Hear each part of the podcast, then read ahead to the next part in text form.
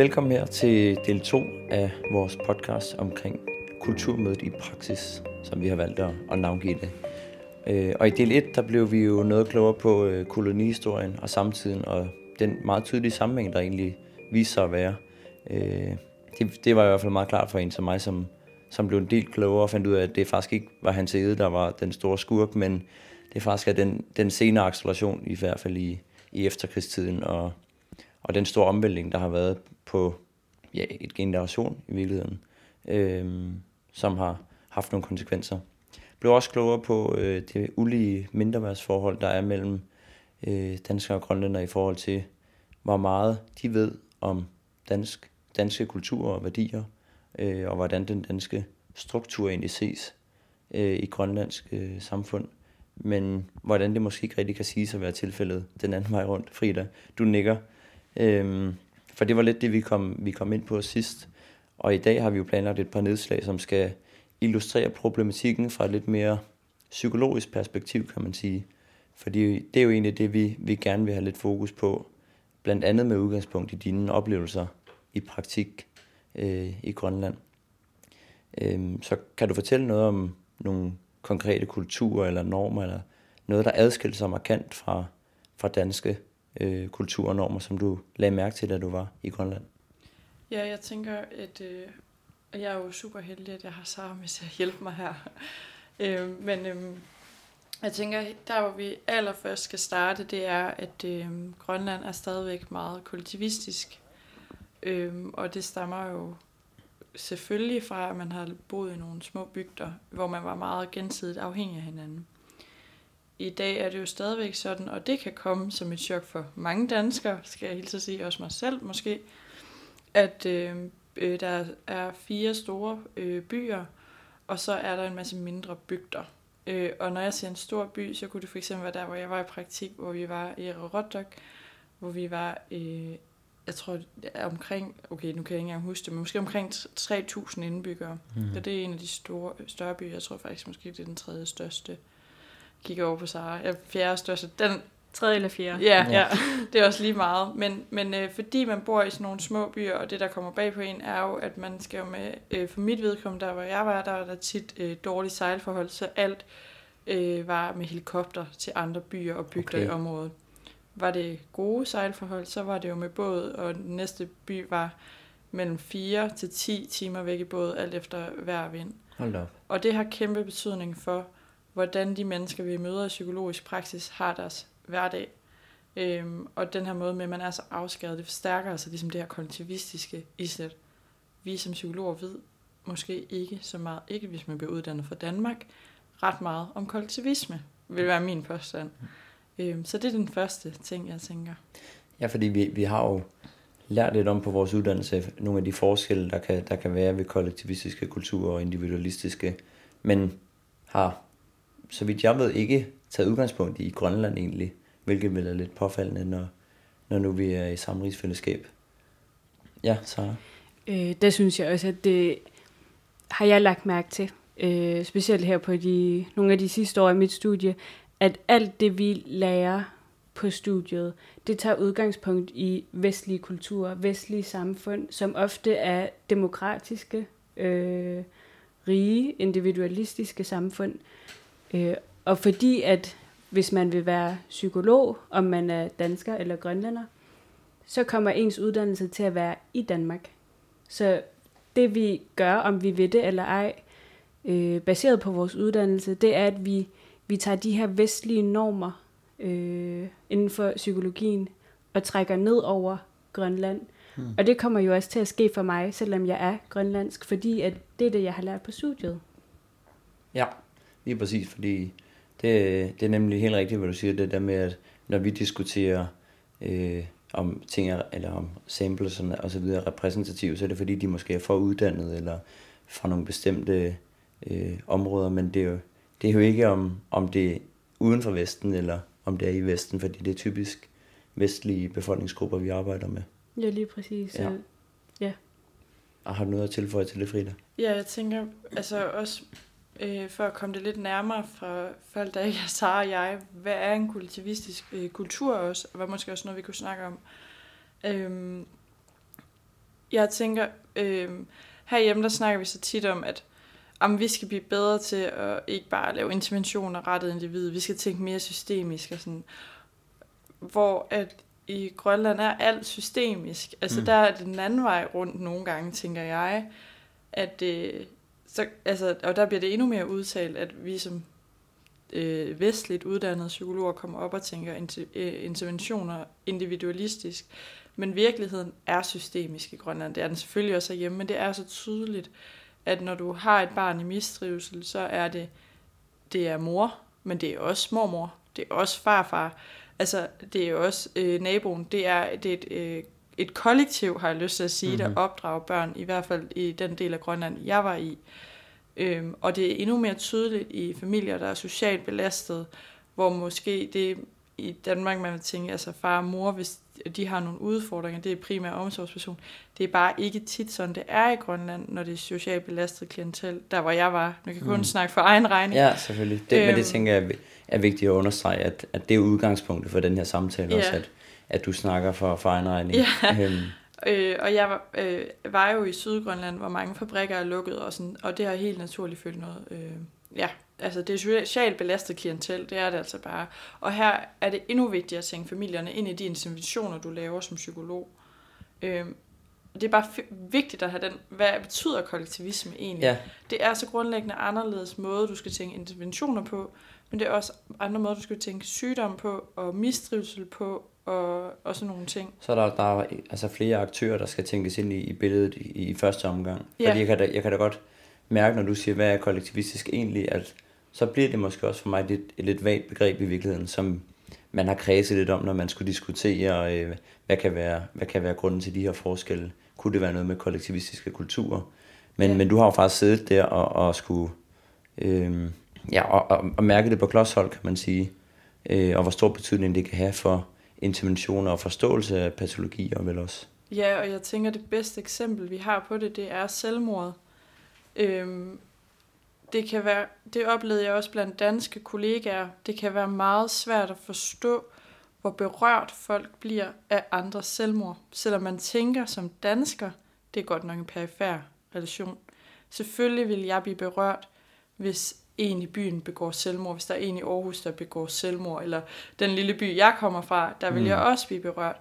Men det vi bare skal tænke på, når vi tænker, nu har jeg jo også beskæftiget mig meget med sorg, men det er, når vi har små enheder, som de her byer er, mm. så er man i samme rum. Og det betyder, at begår en selvmord, selvom det på papiret med danske øjne er en perifær relation, så er det bare ikke det i praksis. Nej. Og det er sådan en ting, jeg faktisk har lagt mærke til. Jeg kan huske, øh, da jeg lige var startet på studiet, øh, og skulle hjem på sommerferie for første gang, så jeg var altså et år inde i mit studie, og vidste jo ikke særlig meget, som man jo ikke rigtig gør der på, øh, på andet tredje semester. Men så var jeg hjemme på sommerferie, øh, og det var jo været et halvt år inden i 2019 må det være. Der kan jeg huske, i den by, hvor jeg kommer fra, i Sisimiut, øh, der er vi måske 5.000 mennesker cirka, jeg ved det ikke engang. Der havde der været jeg har lyst til at sige mellem 5 og 10 selvmord det år. Og det, okay. var, det var i sommerferien. Det er rigtig, rigtig mange mennesker. Hmm. Og nu snakker jeg fuldstændig øh, altså egne øh, hvad hedder så noget, observationer. Men det er som om, at der kommer nogle bølger i byerne. Altså for eksempel i Sisimiut det år, så var der rigtig mange, der begik selvmord lige efter hinanden en rigtig kort periode. Så måske var det et år eller to efter, så lagde jeg mærke til, så var der en anden by, hvor der også var rigtig mange selvmord, kort periode, samme by. Det er næsten som om det smitter. Okay, ja. Så, og det er jo ikke engang fordi, at folk de kender hinanden, at, øh, at så er det øh, den sidste, der begik selvmords bedste ven, eller et eller andet. Det er perifært, men det er stadig som om, at det smitter. Mm. Og der synes jeg også er en måde, hvorpå man kan se, at det er et kollektivistisk samfund, og ting, der sker i byerne, fordi at det er så isoleret. Det påvirker alle, mm. om man ved det eller ej, om man kender hinanden eller ej. Mm. Og, og hvorfor tænker I, at det er, er vigtigt at have for øjne, hvis man er psykolog i Grønland, eller hvis man skal ligesom prøve at forstå den grønlandske kultur lidt bedre? Øhm, hvorfor er det vigtigt at have den her kollektivistiske kultur for øje? Altså, der er jo selvfølgelig det interventionsmæssige. Altså, hvis du kommer problemerne til... Altså, hvis du vil, hvad hedder det, komme i problemerne i møde, Mm. så øh, er individuel psykoterapi, er min erfaring, er selvfølgelig vigtigt, især hvis der er traumer eller andre svære psykopatologi øh, ting. Øh, men, men vil man virkelig altså, løse problemet, vil man løfte den enkelte familie, så er det ikke nok, at du behandler farens øh, øh, alkoholforbrug øh, og snakker om, hvordan sætter vi det ned. Altså, du bliver nødt til simpelthen at behandle hele familien. Mm-hmm. Øhm, og det er ikke sikkert, det er samtaleterapi. Det kan være mange andre ting. Det skal jeg ikke sidde og gøre mig klog på. Jeg har siddet meget med det udredningsmæssigt, så jeg har- er mere trænet i at se problemer på den måde. Øhm, men det er en ting, men jeg tænker også, at vi skal interessere os for kollektivisme, når vi skal forstå problemer. Mm. Ligesom Sara siger, de her bølger af selvmord, det er jo ikke kun bølger af selvmord, man ser, vil jeg sige, at man ser bølger af mange sociale udfordringer, som spredes i byerne, og også på større skala, fordi en ting er, at de her små byer er kollektivistiske, men Grønland er også, som udefrastående, er, jeg jo, er det jo også et stort kollektiv. Mm. Øh, alle kender hinanden på kryds og tværs, så det kan godt være, at jeg sidder i Sydgrønland, men jeg har stadigvæk relationer op i Ranok, op i nord, så hvis der er en, der begår selvmord der, eller er udsat for et eller andet, så påvirker det også mig i Sydgrønland, og så påvirker jeg også mit netværk i Sydgrønland. Og det tror jeg ikke, vi på samme måde kan sige, at hvis der sker noget i Randers, så er det noget, jeg bliver berørt af. Så skulle jeg have familie der. Det Ja. har jeg ikke. Øhm, og det tror jeg bare er vigtigt, at vi tager med os. Mm. Ja. Ja, for jeg tænker også, at der er, der er noget i at, at lægge vægt på, at det er kollektivistiske kulturer, men når øh, befolkningstallene i de her byer og bygder er så små, så må det jo i sagens natur også have større indvirkning på, på, den, på den enkelte eller på familier.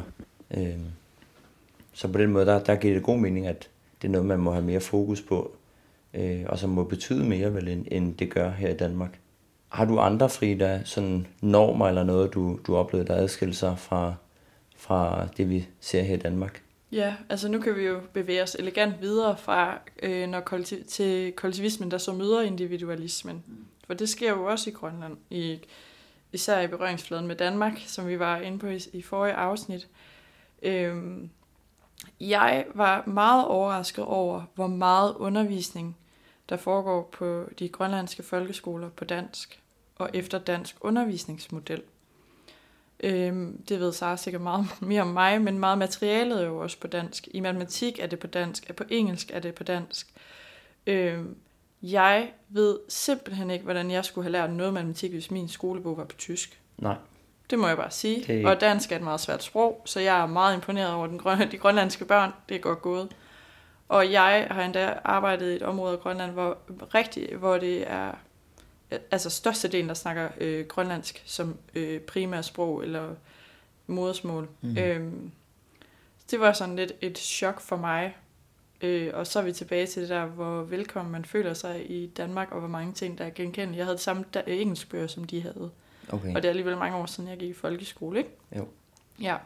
Så det skal du jo også som psykolog navigere i. Øh, det er sådan helt lavpraktisk kognitivt, når du undersøger børn i forhold til indlæring. Der bliver du simpelthen nødt til at tage højde for, at de lærer kompliceret stof på et andet sprog end deres eget. Ja, og, og hvis vi snakker lidt om, øh, om psykologisk testing, så ved jeg, at du også havde en kommentar til det med, hvad, hvad, hvad, hvad der kan være udfordringer der. Ja, vi har ikke ret mange normer øh, på den grønlandske befolkning. Det er jo, der er jo ikke ret meget psykologisk forskning overhovedet. Nej. Øh, jeg ved, at man arbejder på det, øh, men der er, så vi bruger, vurderer egentlig grønlandske børn ud for dansk Mm. standard, danske normer.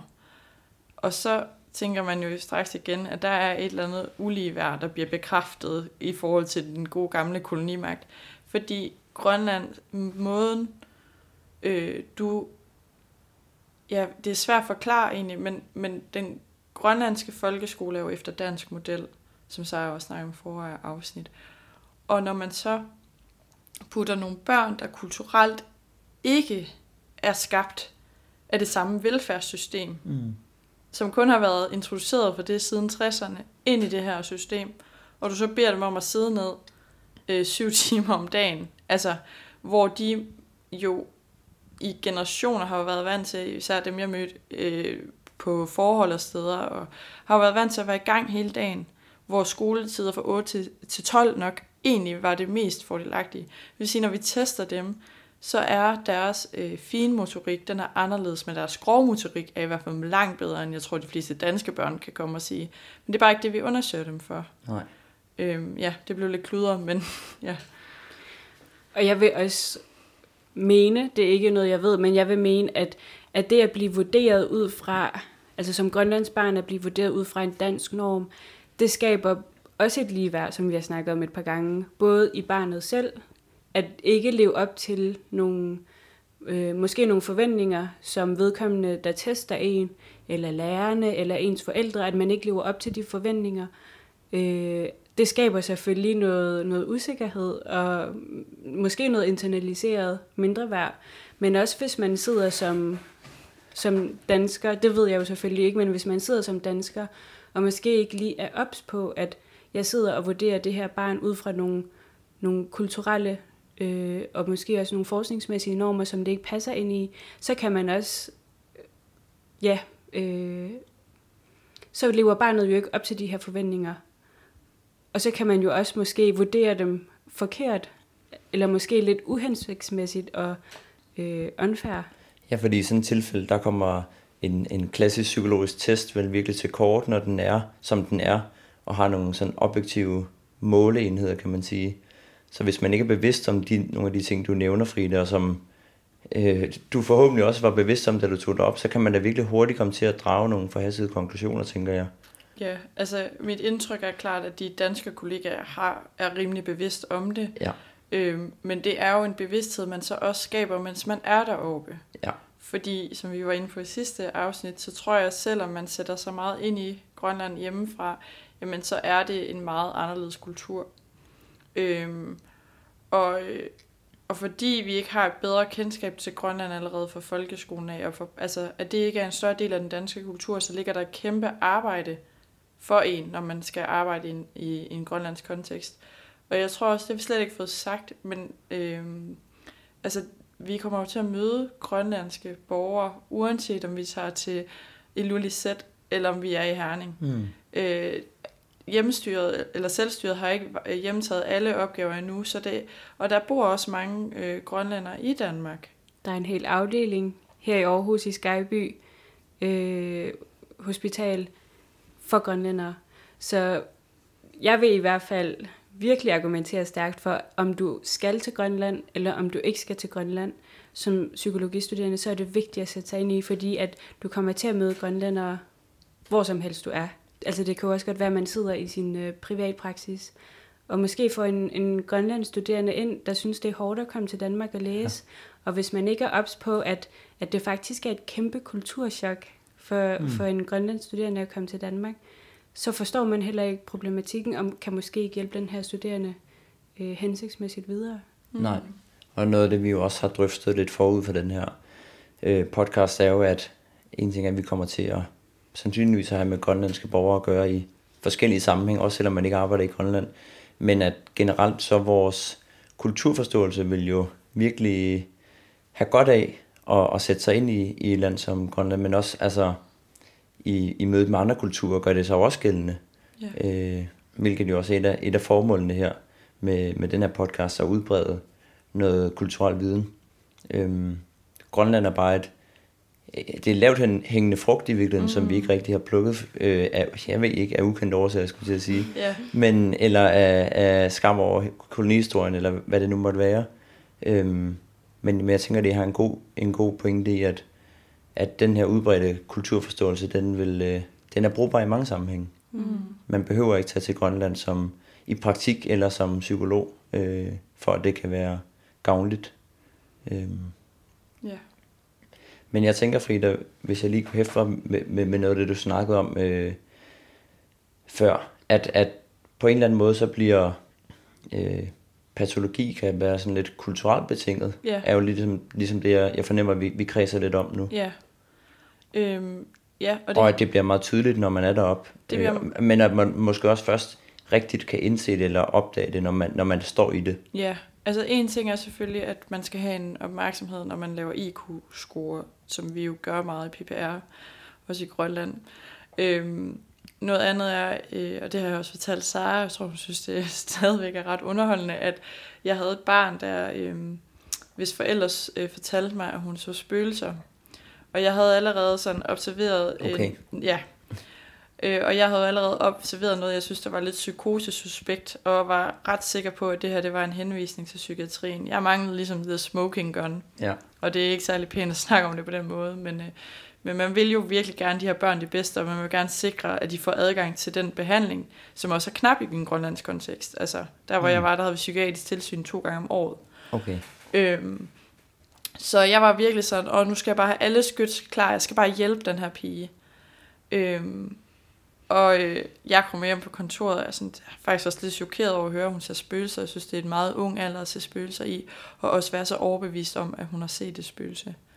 Og de skraldgriner bare af mig i kontoret. Okay. Altså, de var sådan, gider du gå hjem? Altså, det er for dumt det her. Og jeg er virkelig uforstående. Men det, der så går op for mig, det er jo, at øh, at tro på spøgelser er totalt legit i Grønland. Nå. Og det, øh, det kender vi jo også fra Island. Der tror de også på... Øh, det skal jeg ikke gøre mig klog på. Men der er jo også sådan, øh, at der bor en 11 over i højen og sådan nogle ting. Mm. Øh, det lå så fjern fra mit verdensbillede. Men Ja. prøv at overveje, hvis ikke jeg havde været opmærk- øh, blevet gjort opmærksom på det af min søde øh, og meget tålmodige grønlandske kollegaer, vil jeg i øvrigt tilføje, øh, så havde jeg smidt en henvisning afsted på psykosesuspekte symptomer. Ja, for det, det må have været altså, røde alarmer, der, der blinker, når man, når man hører sådan noget. Ja, og man bliver super flov også, Ja. altså over at man bare sådan her, ja tak, så, så kan jeg komme videre med det her problem, ikke? Ja, ja. Øhm, og selvfølgelig var jeg også bekymret. Der var også, der var også grund til bekymring. Ja. Det var måske bare ikke lige det her spøgelse, der var. Nej. bekymringsværdigt. Ja.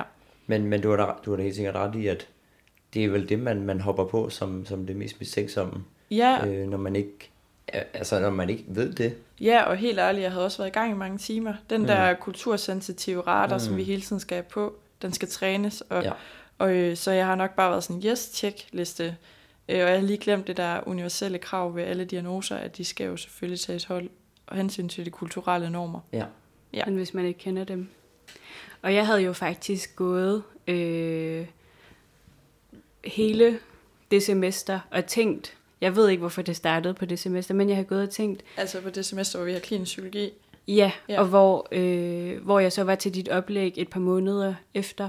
Men jeg gik og, og snakkede faktisk med, med familie og venner om, at, at Gud, man kan og lagde det lidt på, altså, sætte det lidt på spidsen og var sådan, det, det vil være et sådan fuldstændig grotesk tilfælde, men at man kan jo i princippet godt blive altså konstateret, at man har skizofreni, øh, hvis man kommer og siger, at øh, jeg ser og hører og tror på spøgelser, som er en fuldstændig, som du også siger, legit ting at gøre. Altså det er ikke en underlig ting. Der er selvfølgelig nogen, der ikke gør, men der er mange, der gør, og det er ikke noget, der bliver set underligt til.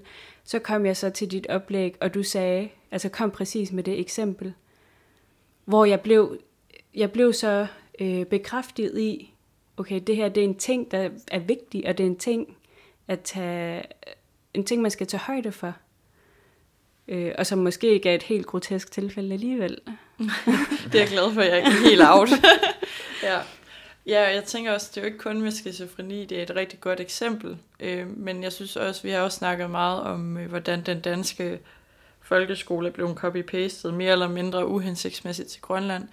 Jeg har også haft henvisninger på øh, børn øh, fra lærere, øh, også lærere med grønlandsk baggrund, der forventede, at barnet havde ADHD.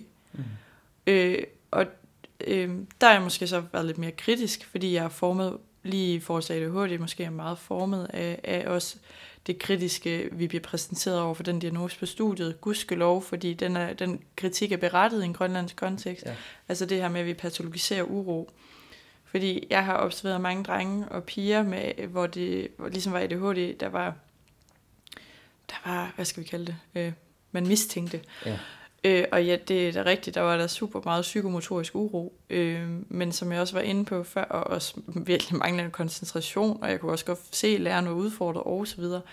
Men øh, hvor jeg tænker, at det er meget naturligt, når man øh, er opvokset på et forhold og sted, som øh, flere børn er i Sydgrønland, eller er opvokset i en bygd, hvor at livet ligesom er afhængig af, at du hjælper øh, din familie med at opretholde et liv. Vi har snakket meget om modernisering, der skete i, øh, i øh, midten af, af ja, ja, det, er det det 20. århundrede, må det være. Mm.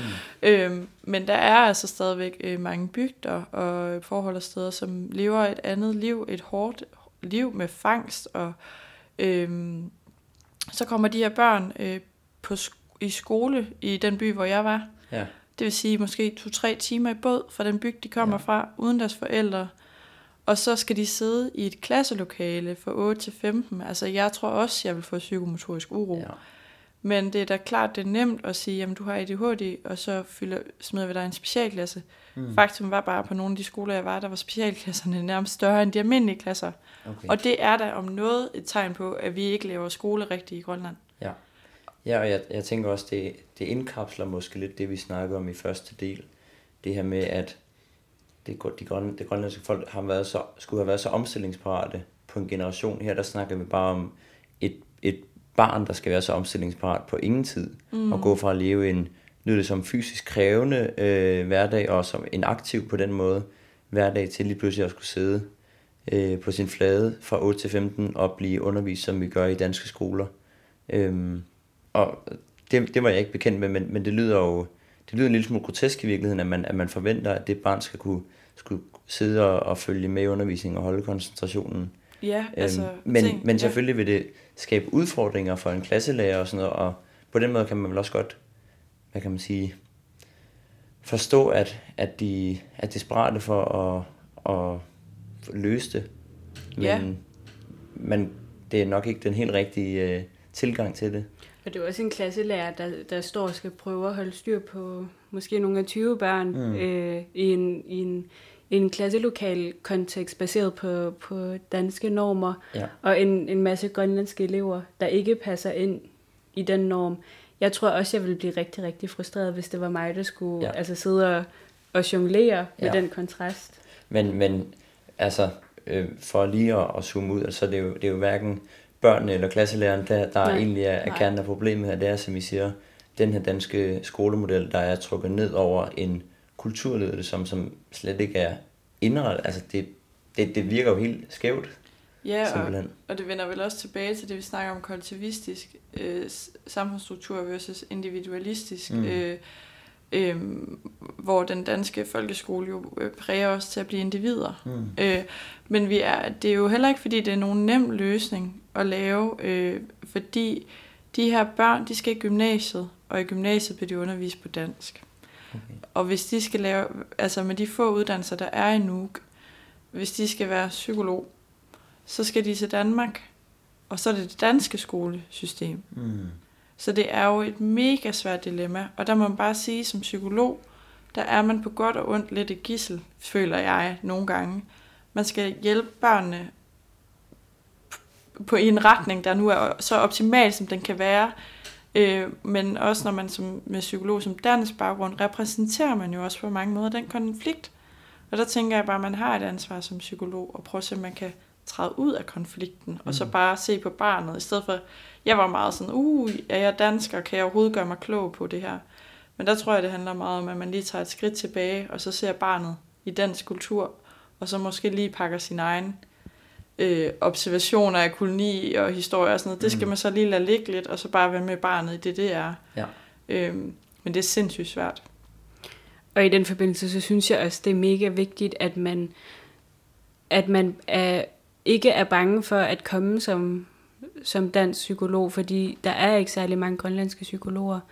Øhm, så der, der er jo ligesom et behov for psykologer generelt, men at man så ikke kommer og er berøringsangst, og måske slet ikke tør at komme, fordi, oh nej, der er en masse, der skal være ops på.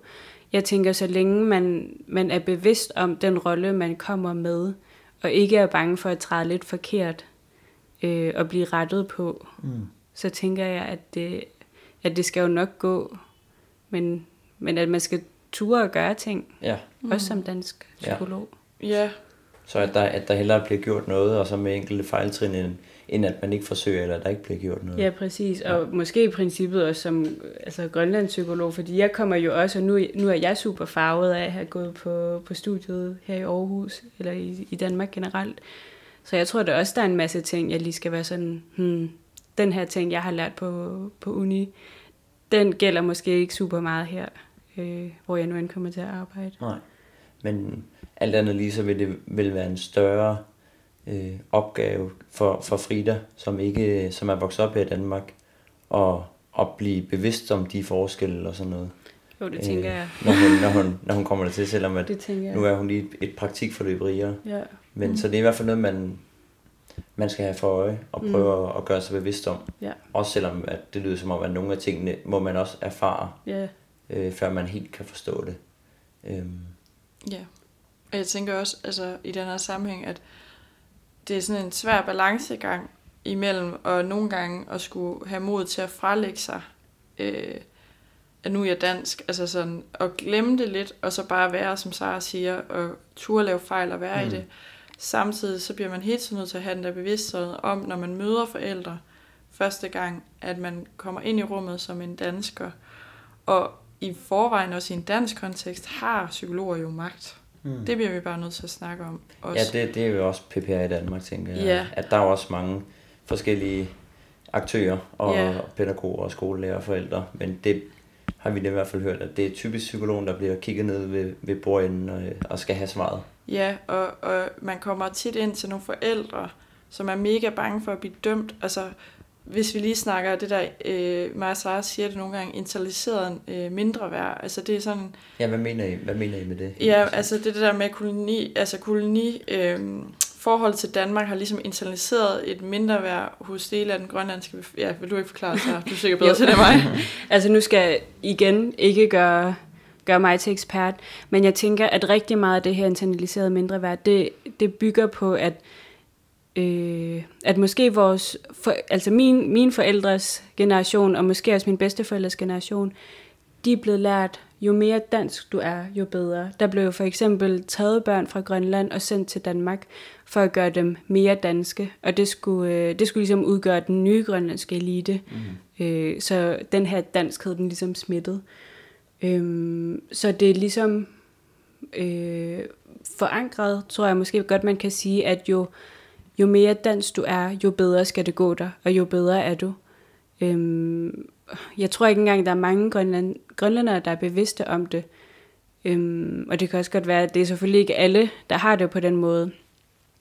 Men, men når man så kommer ind og sidder foran øh, en dansker generelt, men i den her kontekst også en, en dansk psykolog, så bliver man også måske lidt bevidst om, om den her internaliserede mindre. Måske ikke bevidst, men man mærker den måske. Mm. Jeg kan for eksempel også bare mærke den, når jeg er her i Danmark øh, og skal studere sammen med en masse danskere, at jeg føler, at jeg skal bevise lidt mere, Ja. øh, fordi at, at jeg er jo ikke dansk. Øh, Nej. Og jeg tænker, sel- selvom man ikke bliver bevidst om den, så kan det jo stadig virkelig godt præge den måde, man, man opfører sig på, eller, eller ja, hvad, man, hvad man gør. Ja, og jeg tænker også, at det er noget, vi som... Øh, det er der, hvor jeg virkelig tænker, at kolonihistorien... Du spurgte os sidste afsnit, hvorfor skal vi vide noget om historien, og det er virkelig derfor. Altså, Mm. som Sara siger, så har der jo været de her tvangsfjernelser af, af børn fra Grønland til Danmark, og de historier, jeg vil anbefale, at man sætter sig ind i dem, de er fuldstændig brutale. Ja. Og det, kan, det har man gjort i gåsøjne i god mening, ikke? fordi man vil hjælpe grønlænderne, og jeg taler igen i gåsøjne. Mm. Men det betyder jo også, at når du kommer fra PPR, og selvom vi øh, fra PPR ikke har nogen reel, øh, hvad skal vi sige, magt til at fjerne børnene, vi kan selvfølgelig anbefale det, øh, så vil forældrene, både dem, der har grund til at bekymre sig om det, og dem, der ikke har grund til det, og det er næsten det værste det sidste, dem, der ikke har grund til det, vil være forbeholden. Og det er jo ikke mærkeligt, når danskere har kommet Nej. og fjernet børn. Nej. Altså det tror jeg også bare, vi skal have med. Den her, det her er ikke mærkeligt, at der er det her såkaldte internaliserede mindre værd. Og vi er med til at fastholde det som danskere, hvis vi ikke lærer historien, mm. og hvis vi ikke lærer af den, når vi er i praksis. Så noget af det sådan helt lavpraktisk, jeg altid gjorde, det var, at jeg sagde, jeg, jeg kommer fra MISI, altså det grønlandske PR, jeg kan ikke tage nogen beslutninger, jeg har ikke nogen magt, men jeg kan lave anbefalinger for jeres barn, men det er jer, der kender jeres barn bedst. Mm. Og I bliver nødt til at hjælpe mig, fordi det er jer, der er eksperterne. Og bare at sådan tale mig selv ned, altså det var, gjorde sådan en, en stor, øh, altså der skete noget med ligeværdet i det rum. Ja. ja du, du vender ligesom øh, positionerne lidt, eller nok det, de havde forventet, der kom ind ad døren, det, det vendte du lidt om. Ja, og det er selvfølgelig ikke sådan, det er med alle forældre, men Nej. det var, altså, det var noget, jeg oplevede mange gange. Ja, det er vel en tilgang, man kan gå ind til det med alt andet lige, og så, Ja. og så nogle gange har den mere gennemsagskraft end andre måske, men Og den skal være oprigtig. Altså, Ja, og jeg mente ja, det jo virkelig. ja, ja. De var jo, altså de kender jo deres børn bedst Ja. for pokker. Som ville det Ja. også være hjemme i ja, Danmark. ja, netop, jo. ikke? Øhm, Men det er jo måske endnu vigtigere at påpege der, fordi Ja. at, at de har den her internaliserede mindre værd, eller det her internaliserede mindre værd. og meget Som- bekym- begrundet frygt. Og begrundet frygt, det er nemlig Ja. ja. også det, det, det, det, det har jo virkelig noget, at, noget på sig. Øhm, så det kan man da godt forstå. Og det er igen vigtigt, altså det her, det er jo ikke for alle øh, grønlændere. Man ser det hos, altså jeg kan jo kun tale for min egen regning og erfaringer. Og der er jo selvfølgelig også forskel på, på folk. Selvfølgelig. Ja. Det, det må være det, det store tema her. Det må være forskellen. ja. Så, så det, det er klart, men det er i hvert fald godt at have nogle øh, konkrete erfaringer derfra, Frida. Fordi det kan jeg ikke selv tippe ind med i hvert fald, som, som den uvidende dansker her. Øhm, nu har vi jo øh, beskæftiget os lidt med sådan den skolemæssige kontekst og de, nogle af de diagnostiske udfordringer, eller også bare de udfordringer, der er i, i klasselokalet der. Hvis vi prøver sådan at zoome lidt ud på sådan et mere generelt befolkningsniveau, eller hvad kan man sige, er der så noget i forhold til diagnostiske udfordringer, eller i forhold til sådan patologiopfattelser, som, som er problematiske? Ja, altså, det jeg har jo skrevet special om sorg, mm. øhm, og der kommer jo øh, med den nye ICD-11, der kommer jo den her Og ICD-11 er jo vores... diagnose med nu, ikke? Ja. Ja, øh, og den er også vestlig, og det er ja. Også lidt interessant, mm. men øhm, Det er, en, det er en, anden, en anden god det diskussion. er en anden god diskussion, ja. Øhm, det man kan sige, det er, at øh, den forlængede sorglidelse kommer, øh, og den har jo også været meget diskuteret herhjemme, øh, om det er en sygeliggørelse af sorg, altså al- almen lidelse og så videre. Det er jo også en anden debat, vi ikke behøver at tage i dag. Men det jeg ligesom opdagede, da jeg var i praktik, det var, at jeg mødte rigtig mange børn i sorg. Øh, og det er jo klart, som du nævnte i forrige afsnit, 18 procent dør øh, det, vi kalder unaturlige dødsfald. Ja. Det er våde, øh, vådeulykker, øh, drukne ulykker, men det er også selvmord, og det er også mor. Mm. Øh, og sådan nogle typer dødsfald har selvfølgelig betydning for, hvordan sorg opleves. Mm. Og så er det et kollektivistisk samfund, der ligesom forstærker eksponeringen til den her type dødsfald, og dermed også den type sorg. Øh, og der kan man sige, at det der er med, hvis man indfører forlænget sorglidelse, det peger det studie, jeg har lavet i forbindelse med specialer, eller sådan en kvalitativt studie, øh, med danske og grønlandske psykologer.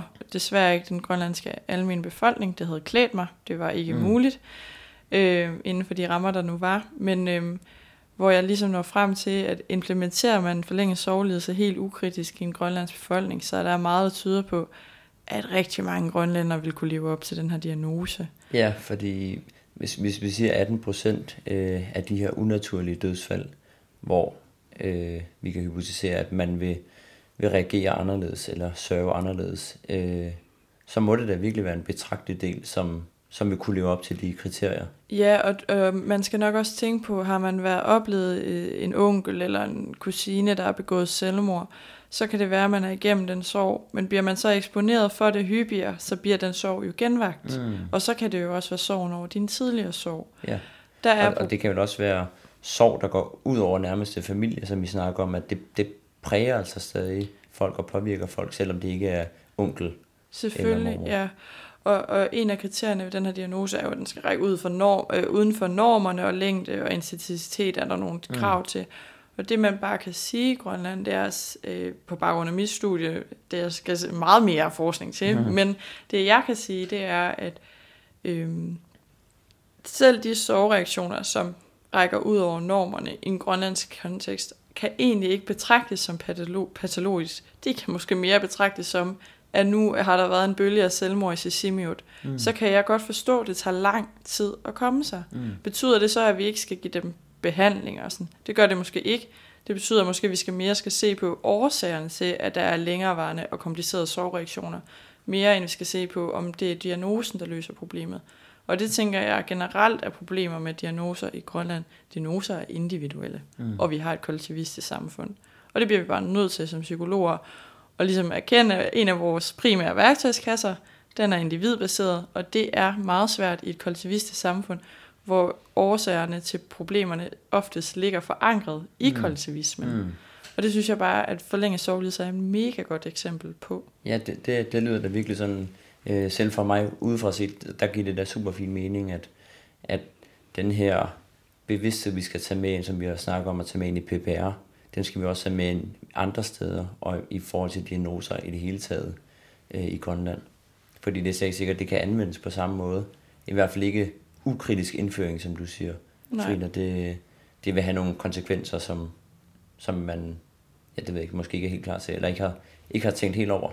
Nej. Jeg kunne også godt forestille mig, at hvis man kommer som, øh, som mås- måske fuldstændig nyudklækket øh, og meget øh, uvidende dansk psykolog, øh, og ens klient, måske første klient, kommer ind og siger, at jeg har mistet så og så mange til selvmord, jeg har mistet så og så mange til... Øh, til måske en, øh, en ulykke på, på havet eller på, på jagt, som ikke er helt unormal, at så kan man godt sidde som psykolog og tænke, hold da op, øh, sikke meget du har været igennem, mm. mens klienten måske, nu, altså overdrivelse fremmer forståelse, men at klienten måske sidder og, og selv sådan, det er, jo, det er jo bare sådan, det er. Jeg kender, jeg kender andre, der har, har, oplevet. det, har oplevet det værre, mm. og altså, måske endda sidder og tænker sådan, jeg kender ikke nogen, der ikke har oplevet, at en, man kender, begår selvmord. Altså, jeg kender mange, der har begået selvmord. Det er jo sådan, det er jo lidt normen, og jeg tænker også, at det er vigtigt at forstå, når man sidder som, som psykolog, at, at der er måske nogle, og det er, jo, det er jo mega ærgerligt, men at der måske er nogle grænser, der er blevet skubbet for, hvad der er traumatisk, og det er jo traumatisk, det er det, mm. men at der, altså normen er bare traumatisk, har jeg nærmest lyst til, næsten lyst til at sige. Ja. Ja, og jeg synes også, det er meget hovedet på sømmet. Der er nogle grænser, der er blevet skubbet. Ja. Men hvordan pokker skulle man ellers overleve i sådan en øh, livssituation med mm. de livsvilkår, vi har været inde på her? Og der tror jeg bare også nogle gange for mig, apropos at bare gerne vil henvise ind til psykiatrien, fordi så tror jeg, at alle problemer er løst, at man skal indstille sig på, at det, at det, du tit faktisk bliver mødt af, at det her det er ikke det, der er mit problem. Det er sket for mig, men ja. det er ikke det, der er mit problem hvor man i en dansk kontekst vil tænke, hold nu op. Ja. Altså, der skal du simpelthen bare acceptere det. Altså, nu mindre du ser et barn i mistrivsel og så videre, ikke? Men ellers så synes jeg også, at det var en kunst at lære at acceptere, at det er normen. Ja.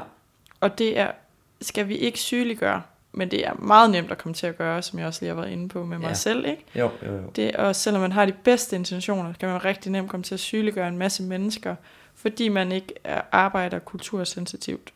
Ja. ja. Det, det er super interessant. Jeg tror, vi kunne, øh, vi kunne fortsætte debatten i timevis. Det ved jeg, I to allerede har gjort over en kop kaffe eller to, og det kommer vi sikkert også til. Øhm, men vi skal også til at runde af, og jeg tænkte på, om, om vi sådan skulle dykke lidt ned i, uden at dykke for meget ned i, hvad, øh, hvad, hvad kan vi gøre, skulle jeg sige? Altså, hvordan, hvordan kan vi omsætte noget af det her nu føler jeg, at jeg er blevet en hel del klogere, øh, både fra første afsnit med, med sådan hele kolonihistorien, øh, og hvordan det har påvirket samtiden. Øh, og så om, hvordan det mere praktisk set kommer til udtryk, øh, hvis man øh, er psykolog i Grønland, eller ja, har sit psykolog, psykologiske virke der. Men hvordan kan vi, hvad kan, hvad kan vi gøre, skulle jeg sige, for at efterlade jer med et meget åbent spørgsmål? Og der har Sara en kæphest. ja, det har jeg hørt lidt. jeg nævnte jo her sidste, at jeg, at jeg sidste semester øh, var gået og havde været rigtig, rigtig frustreret. Øh, og det var i forbindelse med, at jeg på syvende semester havde klinisk psykologi. Øh, og tænkte, altså rigtig mange gange tænkte, det her, det, det giver ikke mening for mig som grønlænder, som skal hjem og arbejde i Grønland. Mm. Øh, og jo, der står i, i diagnosemanualerne, at, at det skal være uden for den kulturelt accepterede norm, og bla bla bla. Men hvis vi ikke lærer den norm, hvis vi ikke ved, hvad vi skal være bevidste om i den kontekst, så giver det jo ikke nogen mening. Så hvis vi på for eksempel på klinisk psykologi øh, her i Aarhus kunne have Altså ikke engang en forelæsningsrække, ikke engang, ikke, måske ikke engang en forelæsning, men måske en lille del af en forelæsning, at, at der er nogen, der sagde lidt om Grønland, lidt om, hvordan historisk traumatiserede kulturer stadig kan have nogle, nogle symptomer på den her traumatisering rigtig mange generationer efter. Hvordan det, man kan se det i, øh, altså i befolkningen, i de sociale problemer, der er, øh, og hvordan man kan afhjælpe det som psykolog, og hvad man skal være bevidst om, når man kommer som både grønlandsk, men også dansk psykolog, mm. og kommer og arbejder i Grønland. Så jeg efterspørger rigtig meget, at man på universitetets, eller måske sådan på, ja, på, på universitetsniveau, på pensum, får lidt ind der. Øh, men også selvfølgelig, at man som, som individ tager noget ansvar og prøver at tillære sig noget viden og noget bevidsthed. Mm. Ja, fordi, og, og, man, og man kan jo starte med at lytte til den her podcast. Han har spøg til side, men, men sådan i ramme alvor vil jeg selv sige, at jeg er blevet en lille smule klogere på, hvad det egentlig vil sige, både det der med at sætte sig ind i nogle specifikke kulturelle normer, men i den grad også, at jeg snakker med jer to blevet klogere på, hvad det har betydning ude i den virkelige verden, og hvor, hvor store konsekvenser det kan have, hvis man ikke har sat sig ind i de her ting. Øhm, og at vi kommer til at skulle møde det er grønlandske borgere, men også folk i andre kulturer. Og, og det vil gøre sig gældende, det er også, at, man, at, at vigtigheden af, at man har sat sig ind i, i en bestemt kultur eller bestemte værdier og normer. Og specielt som dansker har en, et ansvar, når man sidder som, jeg har lyst til at sige, repræsentant af en kolonimagt. Mm. Øh, at man ved lidt om den kultur, man kommer til, og man er sensitiv over for de konsekvenser ens, altså kolonimagten har skabt. Mm. Ja. Jeg får næsten lyst til at sige, altså det eneste generaliserbare ved psykologi er vel, at ting er kontekstspecifikke. Ja. Øh, og det kan man jo så tage, hvis man ja, belyser med at afsætte i Grønland. Ja. Men øh, som du også sagde, det kan jo overføres til mange af de forskellige mennesker, mm. vi er så heldige at møde i vores fag. Ja. Og øh, med de ord, så tror jeg faktisk, at vi vil sige tusind tak for, at I kom og delte lidt ud af jeres viden og erfaringer. Det har været en stor fornøjelse og meget lærerigt, og jeg håber, at du derhjemme også har øh, fået noget ud af at lytte til de her to afsnit øh, af vores allerførste PUG podcast. Tak skal I have. Selv tak. Tak.